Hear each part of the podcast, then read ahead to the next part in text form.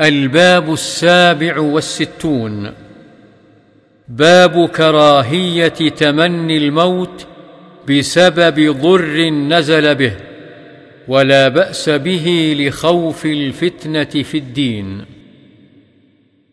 عن أبي هريرة رضي الله عنه أن رسول الله صلى الله عليه وسلم قال لا يتمنى أحدكم الموت إما محسنا فلعله يزداد وإما مسيئا فلعله يستعتب.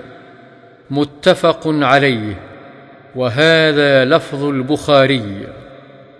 وفي رواية لمسلم عن أبي هريرة رضي الله عنه عن رسول الله صلى الله عليه وسلم قال لا يتمنى أحدكم الموت ولا يدع به من قبل أن يأتيه.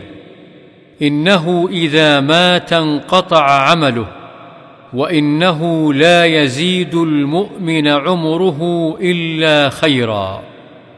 وعن أنس رضي الله عنه قال قال رسول الله صلى الله عليه وسلم لا يتمنين أحدكم الموت لضر أصابه فإن كان لا بد فاعلا فليقل اللهم أحيني ما كانت الحياة خيرا لي وتوفني إذا كانت الوفاة خيرا لي.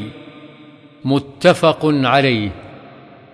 وعن قيس بن أبي حازم قال دخلنا على خباب بن الأرت رضي الله عنه نعوده وقد اكتوى سبع كيات فقال إن أصحابنا الذين سلفوا مضوا ولم تنقصهم الدنيا وانا أصبنا ما لا نجد له موضعا إلا التراب.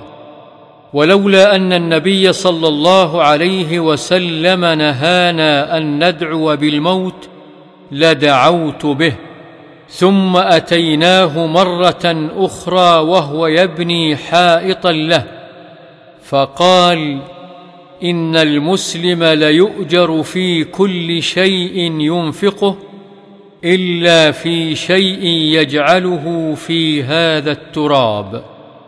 متفق عليه. وهذا لفظ رواية البخاري.